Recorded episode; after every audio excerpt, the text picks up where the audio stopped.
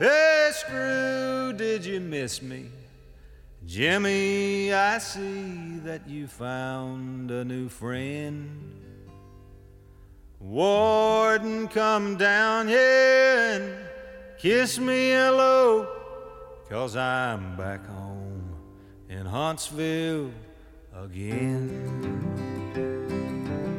Welkom bij de Prison Show, het programma over delict, straf, herstel en terugkeer. Oprecht, onafhankelijk en baanbrekend. Want iedereen heeft recht van spreken en verdient erkenning voor wie hij of zij is. Met Edwin En Frans. Yes, I'm back home in Huntsville again. Of je dit nu op eh, vrijdagochtend gelijk aanzet, of je luistert op een later tijdstip. Goedemorgen, goedemiddag, goedenavond, goedenacht, zeggen wij tegen eh, jou als luisteraar bij een nieuwe aflevering van Prison Show Podcast. Ja, en wij zijn er ook klaar voor. Onze gast heeft eh, su- suiker en melk in de thee. Ja, koffietijd is gestopt, dus we moeten zelf ook even doornemen wat eh, de gasten, hoe de gasten de koffie drinken. En zelf drinken wij geloof ik de koffie zwart, hè Frans? Zwart en hij is uiteraard van zuivere koffie. Om daar weer even reclame voor te maken. is, Ja, Maar goed, dat spreekt vanzelf. En eh, deze podcast is natuurlijk eh, op internet te beluisteren via alle eh, bekende platforms die er zijn. En hopelijk blijft hij niet actueel, de podcast. Hè. Verandert de wereld een beetje, zodat we allemaal nieuwe dingen kunnen gaan vertellen. Maar ik vrees dat heel veel van onze podcasts van de afgelopen vier jaar eigenlijk vandaag nog gewoon beluisterd kunnen worden alsof ze vandaag zijn opgenomen. We hebben een bijzondere gast vandaag en dat is Yassine Radi Hemdi. En hij is een eh, bruggenbouwer, een luisteraar, een bemiddelaar die zich bezighoudt met de straat en het beleid ten aanzien van wat er op straat gebeurt. Yassine is jeugdwerker, spreker en betrokken bij organisaties als Combiwel, Project Top 600, Bureau Maatschappelijk eh, Herstel en Rehabilitatie uit Den Haag, Credible Messenger en Adamas uit Amsterdam. Hartelijk welkom in de Prison Show, eh Yassine. Dankjewel man, ik voel me vereerd eh, dat ik hier uh, aan mag schaven. Eh, de eer is helemaal aan ons. Heel fijn dat je hier eh, gekomen bent op je scooter Op een scootertje. uit Wormerveer, waar je pas kort geleden naar verhuisd bent vanuit Zeker. Amsterdam. Hè? Ja. Ja, Ehm, dan is het, als je bruggenbouwer bent, dan ben je wel op de juiste plek hier. Want het sterft hier van de bruggen in de Zaanstreek. dus dat, eh, je bent helemaal op je plek. Ja. En ehm, Edwin is een echte zaakkanter, dus die vindt dat als je nou van Amsterdam naar eh Wormerveer verhuist, dat je eigenlijk een soort van promotie maakt. Nou, nou, of dat, nou- om dat nou te zeggen. Ik ben geen ambassadeur. Ik ben niet van de city marketing. Maar eh, we hebben wel al besproken dat we binnenkort even... dat ik hem een beetje ga laten inburgeren in het Zaanse gebied Precies, hier. Dus dat wordt misschien nog wel een keer een special. Dan, gaan we, dan komen we nog terug hoe dat was. Maar we gaan nu gewoon over de inhoud praten. Ja, want de bruggenbouwer, luisteraar, bemiddelaar... Hoe ben jij geworden wie je vandaag de dag bent? ja, dat is een hele goede vraag. eh. Eh, ja, moet, ik- moet ik jullie gewoon meenemen naar het begin of eh, naar het einde? Nou, be- begin maar bij het begin. Want eh, ja, je doet, wa- waarom doe je wat je doet, is eigenlijk de kernvraag. Ik begin gewoon Ja. bij, het, bij de kernboodschap. Ik begon tijdens mijn laatste detentie. In 2019 zat ik in Huurgewaard. En ik moest een training volgen, want ik zat in mijn eindproces voor. Maar ik had een groene dagprogramma. Maar om die groene dagprogramma te blijven, moest ik meedoen aan een cursus. Anders zou ik weer op rood gaan. En ja, ik, ik wou toch wel een privilege houden in de gevangenis ook. En toen heb ik met gek genoeg ben ik die cursus gaan doen. Het was, het was, ja, je spreekt met de gedetineerden allemaal dilemma's van hoe, ga je, hoe stop je uit de criminaliteit. We dachten allemaal van dat moment van, ja maar wat dit is eigenlijk. En dit is niet te doen. En, maar zodoende, die gastsprekers, die hebben wat een plansje bij me gezet. Wat ik vroeg aan die gasten eens, hoeveel verdien je voor zo'n training? Hoeveel training geven jullie? En toen zei hij, nou ik ga elke gevangenisland in, in Nederland en ik, uh, per afdeling doe ik zes weken en voor zes weken krijg ik 3000 euro. Op dat moment uh, ging er even een knopje bij me om. Ik ging mijn cel in weer. Ik zat op mijn kamer, ik zat na te denken, maar wacht eens even. Als deze mensen gewoon met een training gewoon zulke financiële successen kunnen behalen, wie ben ik dan nog om nog verkeerde dingen te doen? Toen dacht ik, hé, dit wil ik eigenlijk ook. En toen, gek genoeg, kwam ik vrij na detentie. Had ik met het topstation een bepaalde afspraken gemaakt voor terugkeer in detentie. En Even, is even een paar dingetjes. Natuurlijk. Ehm, voor de luisteraar, hè? Eh, je hebt het over rood en over groen. ja, Nou, als je je heel goed gedraagt en meewerkt enzovoorts, kom je in groen en dan heb je een aantal privileges. Eh, doe je dat niet, dan kom je in roos- rood en dan heb je de basis gezien. ja. Ehm, ik denk dat de cursus die je gedaan hebt, eh, die heet, eh, heet die puinruimen? Eh, kiezen voor verandering. Kiezen voor verandering. Ja. Ja, dat is dus een cursus die in de gevangenis gegeven wordt. En zoals je al hoort, is dat een min of meer verplichte cursus. Hè? Ja. Want jij zegt ook van, als ik dat niet doe, als ik dat niet gedaan had, dan, ehm, Was dan, dan was ik, dan was ik- mijn privileges kwijt geweest. Ja, En dus dat, ook belangrijk voor de buitenstaander. En nou ja, dat kiezen voor verandering, daar worden mensen uitgenodigd, eh, vaak eh, nabestaanden na een, eh, een moord bijvoorbeeld. Of eh, mensen die zelf in de gevangenis gezeten hebben. Dus even, wat, wat ze dan een groot woord ervaringsdeskundigen noemen, die komen daar. Eh, ik, misschien nu wel. En in, in die tijd dat ik het had gedaan, niet. Was ik echt gewoon twee officiële gewoon gasttrainers. Oké, Die gewoon een les gaven, ja. Waar gingen die lessen over dan? Eh, dan ga je dilemma's bespreken met gedetineerden. Hoe stap je uit de criminaliteit? Eh, dan noem ik even een stelling op. Stel je bent net gestopt met, met, met criminele delicten plegen en er komt iemand naar je toe. En hij begint gewoon je dingen uit te lokken. Ga je dan nog als crimineel handelen of ga je, het, ga je gewoon de politie bellen? Dat soort stellingen uh, Ja, bespreken ook hoe je bijvoorbeeld met verleidingen omgaat. Ja. Als iemand je ge- geld biedt voor een klusje of dingetjes. Ja, dat dat je, ook. ja. Dat soort stellingen een beetje met gedetineerden. Maar ik merkte tijdens, tijdens die training al, iedereen nam het gewoon met een korreltje zout. Omdat ze ook gewoon, ja, ze waren gewoon privileges behouden. Maar datgene wat mij gewoon gewaakt heeft, waren die twee gasttrainers, gastsprekers. Die die training gaven. Op een gegeven moment zat ik in mezelf, ging ik echt gewoon nadenken van, hoeveel gevangenissen zijn er in Nederland? Wat nou als ik zo'n training, als hun het kunnen, kan, misschien kan ik het ook. Dus daar heb ik echt gewoon die eerste... Maar hoor ik nou eigenlijk zeggen dat, dat, dat het financiële jou eigenlijk een beetje over de... Ja, ik, ik, ging het gewoon, ik ging gewoon letterlijk, ik ging, me- ik ging mijn drugstelefoon, die ik destijds had, ging ik vergelijken met, kan ik niet ongeveer hetzelfde eruit halen? Kan ik niet een normale telefoon gaan bouwen, maar dan met training en voorlichting geven?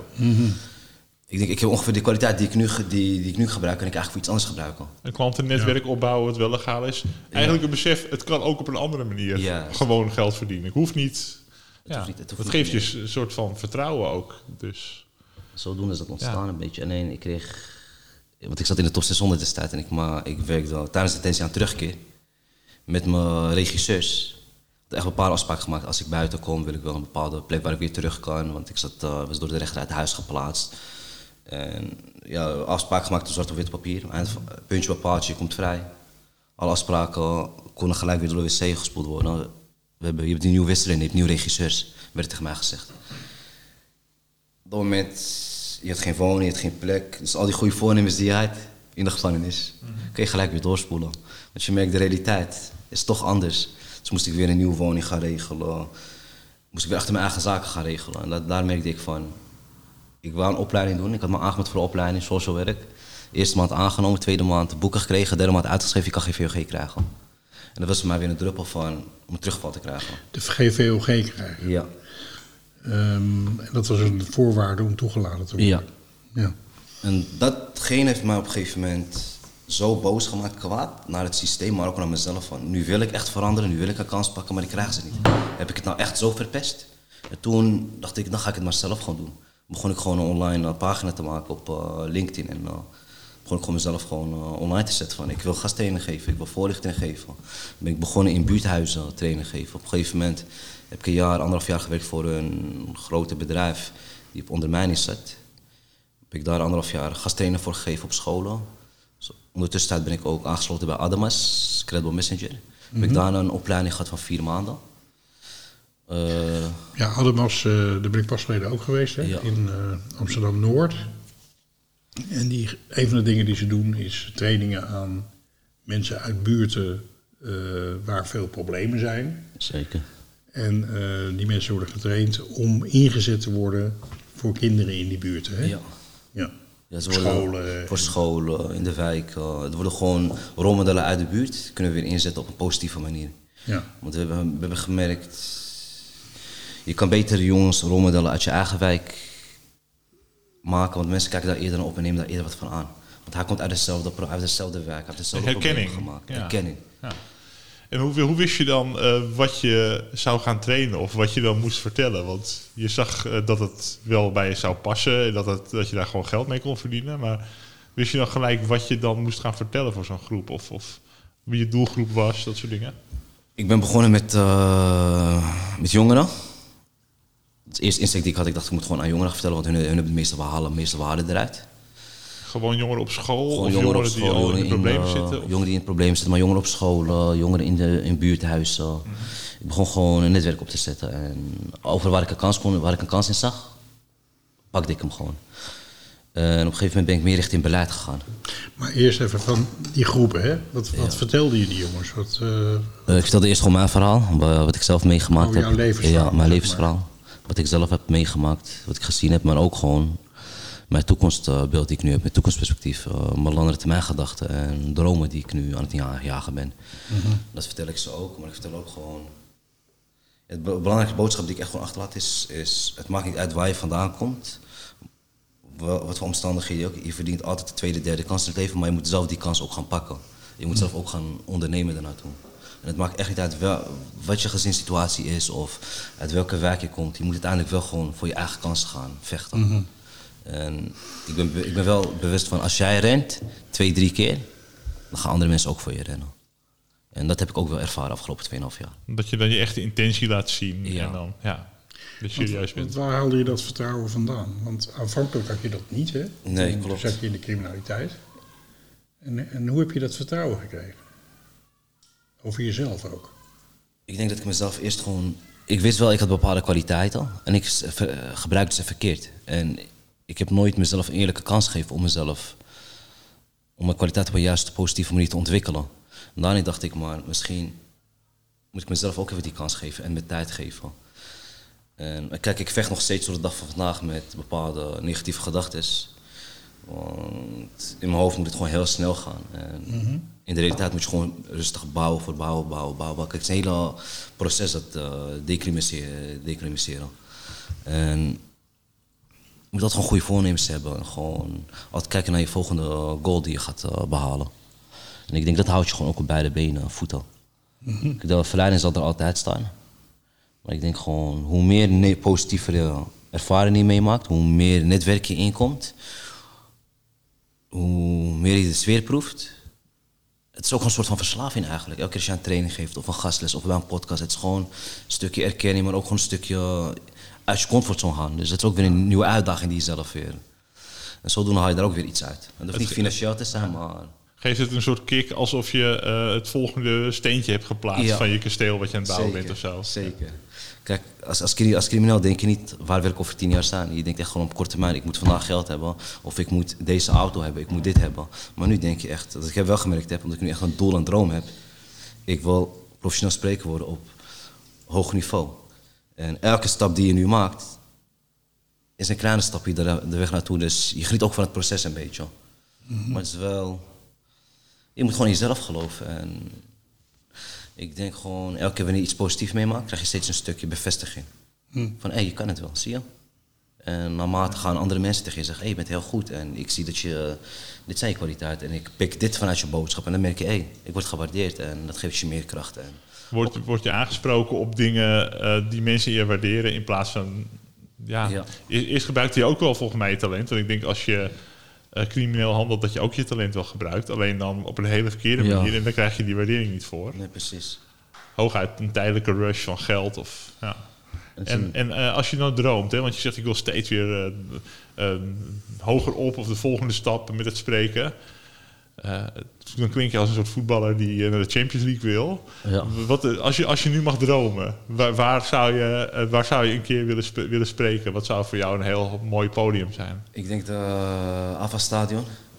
En dat ik zie echt gewoon, gewoon ja, 2.000, 3.000 man gewoon uh, in het publiek heb. En dat ik ze gewoon toespreek en gewoon mijn verhaal deel. En Dat zie ik echt gewoon voor als ik mijn ogen dicht doe. zie ik echt gewoon 2, 3, 4, 5.000. Gewoon een hele zalen vol. Zie ik mezelf ook gewoon op tournee gaan met mijn verhalen. Maar ook met andere, mensen, eh, andere jongeren hun verhalen.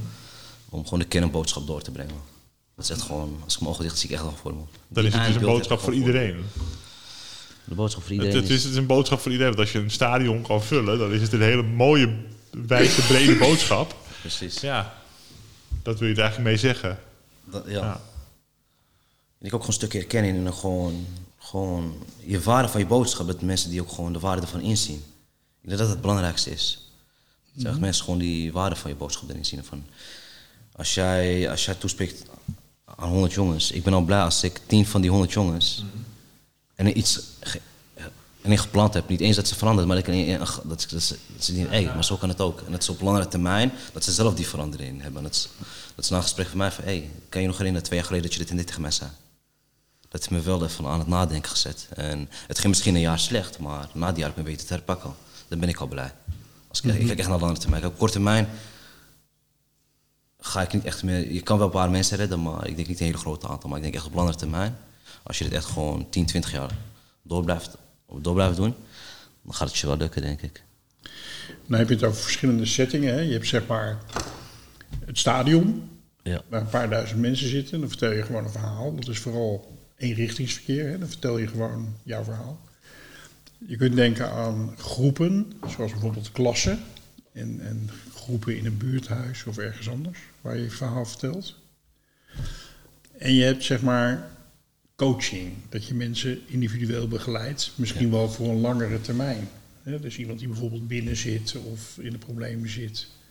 En die op jou kan rekenen tot het moment dat hij jou niet meer nodig heeft. Zeg maar.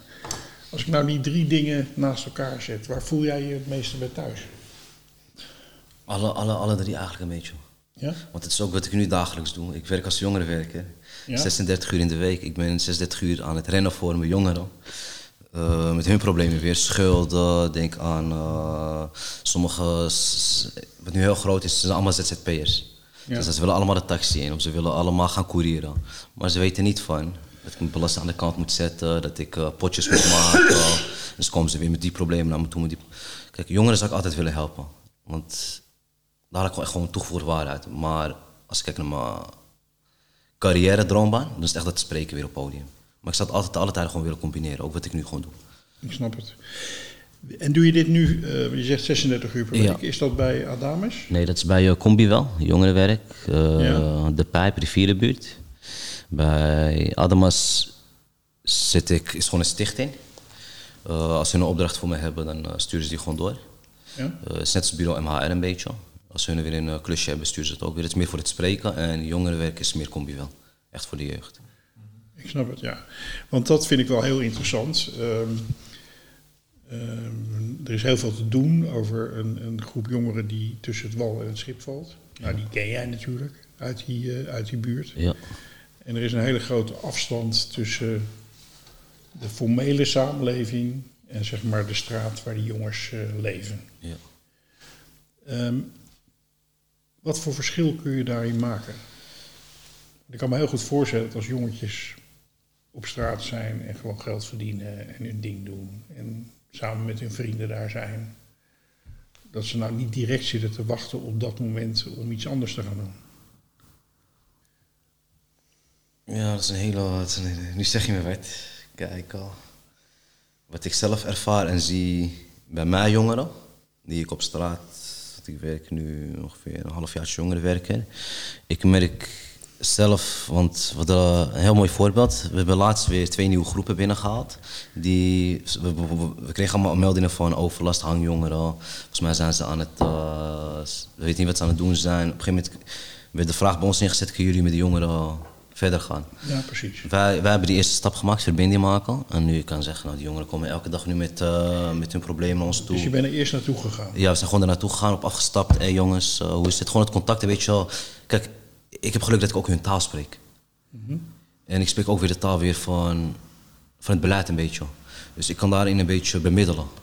Ik, ik weet waar de jongens, ik weet waar het gedrag van de jongens komt. Ik weet ook waar hun, wat hun behoeftes zijn. En ik weet ook, 9 van de 10 jongens die dat leven leeft, vinden het ook niet leuk om te leven. Die ziet ook voor, eh, hun hebben een korte termijn, een korte termijn, een korte termijn visie, maar ook een laag zelfbeeld. Van ik kan toch niet anders, ik zit toch al in een achterstandswijk. Het is voor mij eigenlijk al een soort van zwart-wit. Dus een hele lage zelfbeeld die ze hebben. En juist als ik daarop afstap en ik bespreek ze en ik laat ze ook zien wat ik de dag van vandaag doe, dan zien ze potentie. Maar wacht eens even. Je, je hebt hetzelfde meegemaakt als wat wij meemaken. En jou kan het wel. En hoe, waarom, waarom is het jou wel gelukt? En dan zo probeer ik ze weer te motiveren en probeer ik ze ook weer allemaal dingetjes door te sturen. Ik heb nu twee, drie jongens uit die wijk. Die nu ook weer stappen maken richting spreken. Richt, eentje schrijft een boek. Het zijn allemaal jongeren uit de, uit de wijk. Maar ik, zag wel, ik ben heel goed in het signaleren van bepaalde kwaliteiten van iemand. En ik denk als jij als je energie, energie en tijd gaat investeren in die jongens, in hun kwaliteiten, maar ook het benoemt, dat hebben ze nodig. Ja. Iemand die gewoon even in ze gelooft. In plaats van allemaal negativiteit van ja, hier hoor je niet bij, hier hoor je niet bij. Ze hebben echt even iemand nodig die positief naar ze kijkt van hé, hey, jullie kunnen het ook. Ja. En het liefst van iemand die hun taal spreekt. En dan hebben we het over jongeren van welke leeftijden? Dan praten we over leeftijden, kijk, eh, vanaf 18 plus tot eh, 27. Dat zijn meer die 18 plus groepen. Daar zien we meer echt gewoon... Die hebben echt gewoon meer problemen met schulden en willen ook gewoon keuzes maken. En bij de jongere jongens tussen de 14, 12 en 16 jaar is het meer...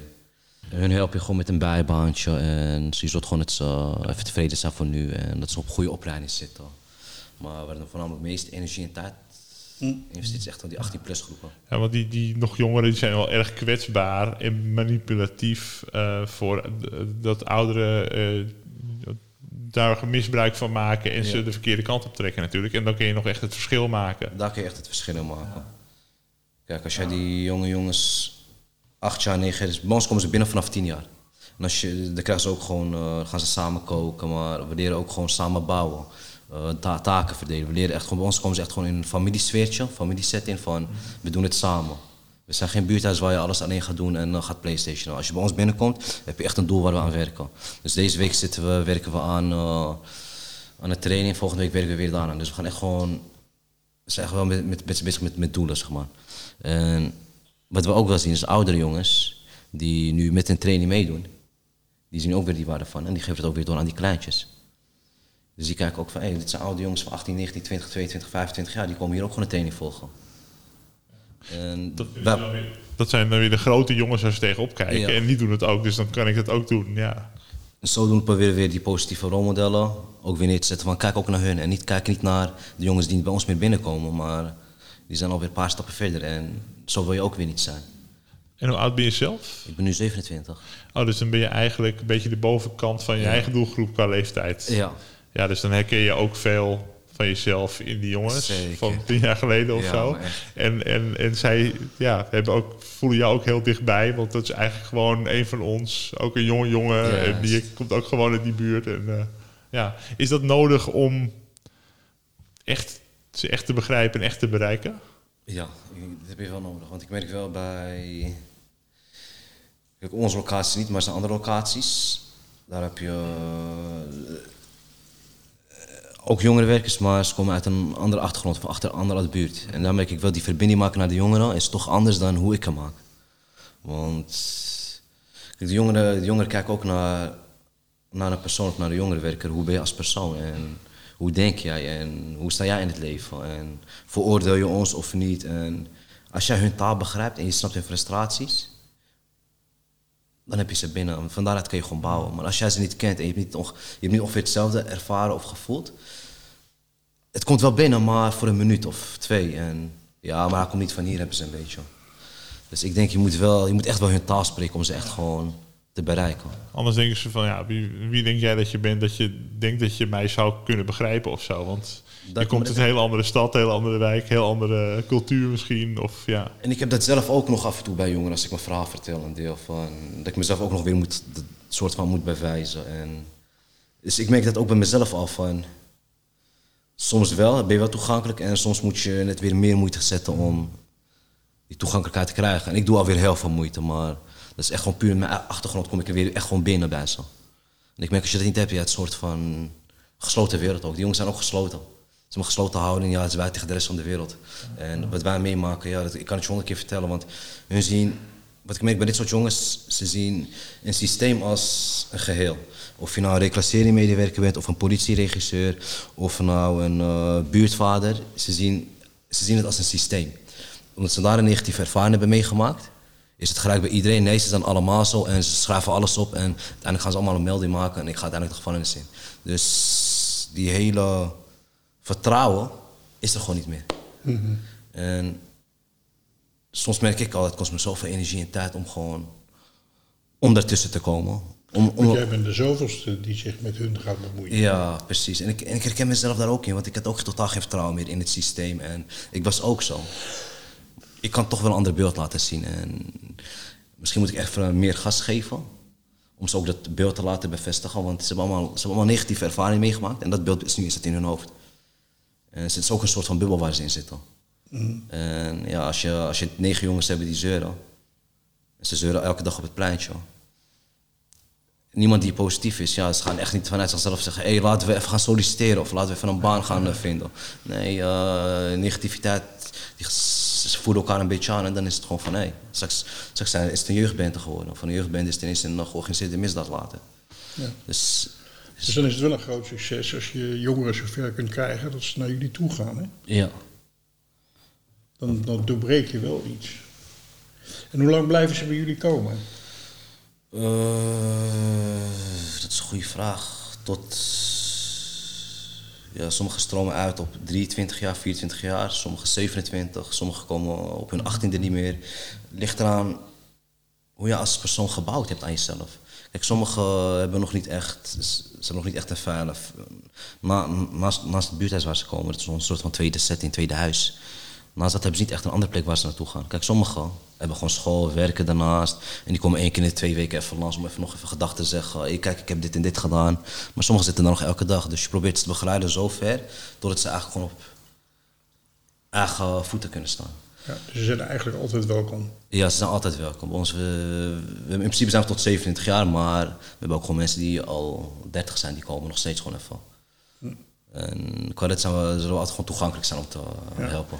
Dat lijkt wel een belangrijke factor te zijn. Hè? Dat iedereen welkom is en dat ze ook ehm, niet een afgerond traject hebben en dan moet je weer, naar, dan moet je weer weg of zo. Nee, klopt. Eh, ik denk daar ook zo over. Want ik denk, kijk, nummer 9 van meestal is het of je moet een justitieindicatie hebben om geholpen te worden. Dan, dan is er geld vanuit de overheid vrijgemaakt om jouw casus te regisseren. Maar als jij niet zo, stel je hebt, je bent net uitgestroomd op bepaalde dingen, je bent weer twee jaar net op, je bent net een beetje stabiel, maar je hebt nog steeds hulp nodig. De overheid zegt dan nee, je, je bent zelfredzaam. En wij denken van nee, je bent nog niet zelfredzaam. Je, bent, je kan wel een beetje op eigen benen staan, maar je hebt nog wel die begeleiding nodig. En dan, dan doen we het gewoon uit vanuit, vanuit onszelf. We vinden het echt belangrijk. want, want hoe worden jullie gefinancierd? Wie financiert jullie? Eh, volgens mij krijgen ze gewoon eh, subsidie van de, van de, van de gemeente. de gemeente, ja. Ik weet niet precies hoe dat werkt. Maar ik denk echt wel dat ze gewoon subsidies ook krijgen van de gemeente. En Denk ik ook hoor. Ja. Ja. Je hebt best een aantal dingen er al over gezegd, hè? over de behoeften van, eh, van, van de jeugd hè? en, en eh, hoe je daarmee zou, eh, hoe je daar het beste mee kan werken. Wil je daar nog wat aan toevoegen, wat echt een hele belangrijke is voor, voor jongeren in die situatie? het is sowieso belangrijk voor iedereen die met jongeren werkt. Jongeren moeten eerst, ze moeten eerst gezien en gehoord worden. Voor, het voor, voor, je, voor je ze echt gaat kunnen helpen. Werk eerst aan. Kijk naar ze. Hoe is het nou echt met je jongen uit je, in je klas? Hoe is het nou echt met die leerling? En probeer zijn leefwereld ook te begrijpen. Kijk, wij kennen, wat ik ook zie is, eh, we hebben tien jongens, maar ze komen bij ons. Maar wat doet die jongen thuis? Hoe is, hoe is zijn thuissituatie? Dus ga ook gewoon, probeer, probeer die hele jongen zijn leefwereld een beetje in kaart te zetten.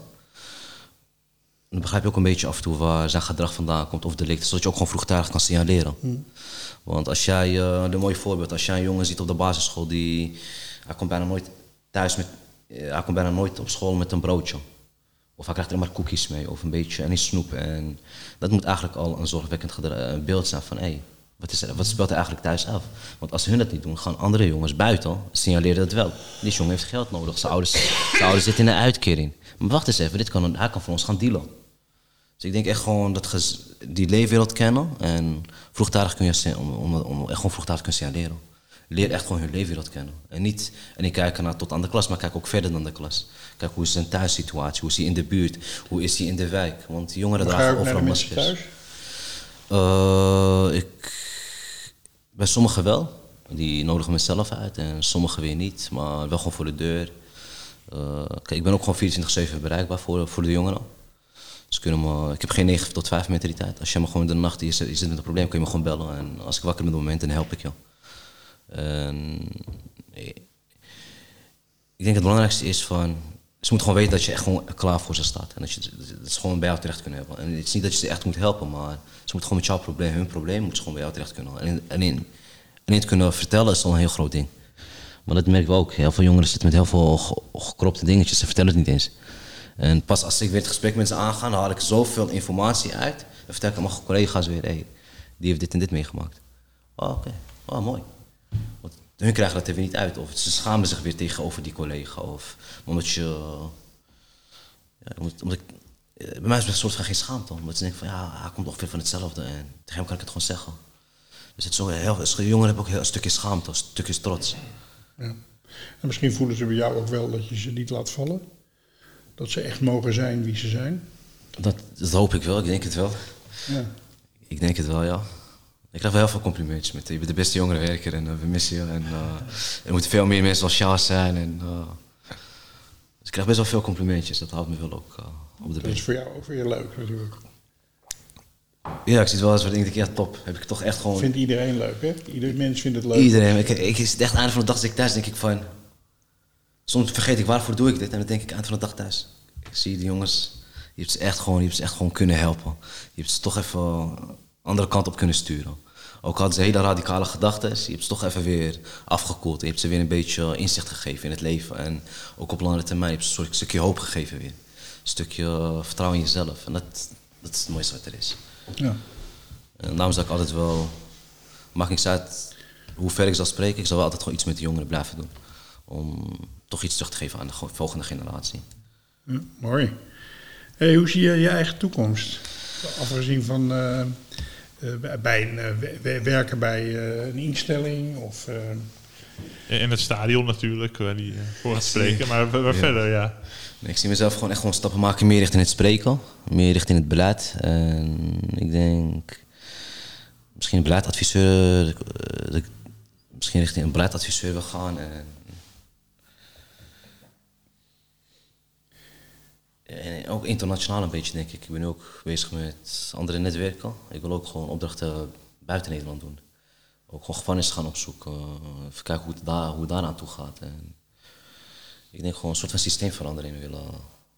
Ik, ik, dus mijn eigen stappen die ik heb zijn sowieso het jongerenwerk blijven doen.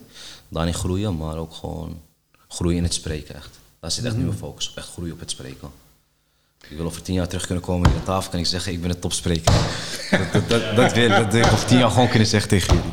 Nou, als ik, als ik je zo hoor, ben je al een topspreker. Want het enthousiasme en de- het vuur in je ogen is al eh, heel erg overtuigend en motiverend. Ik wil nu gewoon opspringen en, eh, en met je mee naar die, eh, naar, vooral naar die wijk. Dat kan de, de, de luisteraar misschien niet zo goed zien, maar wij zien dat wel. Hè? Dat, eh, Gewoon die hele gelaatsuitdrukking eh, ja, is gewoon heel... eh, heel, Ja, heel alsof je zo nog positief. verliefd, verliefd bent geworden op, Ja. op iets wat je hebt ontdekt. En je denkt, hé, hey, daar kan ik een verschil in maken. Of daar kan ik magie laten ontstaan of zo, weet je. Dat is, ja, dat je wel ontdekt van waarom je misschien hier bent op de wereld. Of, weet je, ja. En het kan bijna niet anders. Of eh, eh, vanuit jouw familie heb je ook deze kracht meegekregen. Die ontstaat niet zomaar. Er zullen Nee. mensen zijn die dat ook hebben. Klopt dat? Wat bedoel je met de kracht? Nou, eh, we zijn allemaal kinderen van onze ouders en Ja. na ehm, komelingen van de generaties daarvoor. En veel van wat we zijn, krijgen we over vanuit vorige generaties.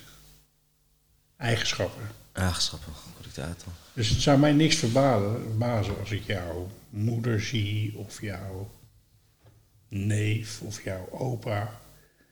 dat ik dezelfde soort Yes, yes, yes. positiviteit zie. Ik denk bij mijn moeder, ja, bij mijn moeder wel. Ja. Ja, je moeder? Ja. Mijn moeder had ook van. nee, ik heb, wel- ik heb dezelfde kwaliteit als mijn moeder. Echt gewoon naar mensen kijken, er zijn voor mensen en ook spreken, ook contact met iedereen behouden. Ja. En ook gewoon blij worden als ik iemand geholpen heb. Dat ik echt van mijn moeder, ja. ja, mooi. Dat zie ik wel echt, als je nu dat zegt, zie ik dat echt terug in mijn moeder. Dat is de kracht die zij je gegeven Ja. heeft. Ja, mooi. Maar het allermooiste wat ik uit mijn moeder, van mijn moeder haal, haal altijd is, maakt niet uit hoe erg de situatie is. Altijd blijven lachen, altijd stappen blijven maken. Het maakt echt niet uit wat je meemaakt en wat je gedaan hebt of wat de situatie nu is. Denk gewoon verder. Probeer altijd gewoon positief te blijven. Dat heb ik echt van moeder eh, gekregen. Zij zou eigenlijk de, de moeder van alle hulpverleners in Amsterdam moeten worden. Eigenlijk wel, ja. Zo te horen. Ja. Ja, Waar waren we zonder de moeders? Hè? Dat komt toch wel Nou, vaak weer in onze het. podcast weer terug. ja, en we mogen ook dankbaar zijn. Hè? Ik bedoel, wij zijn ook wie we zijn door onze ouders. Ouders. Ja. En voorouders.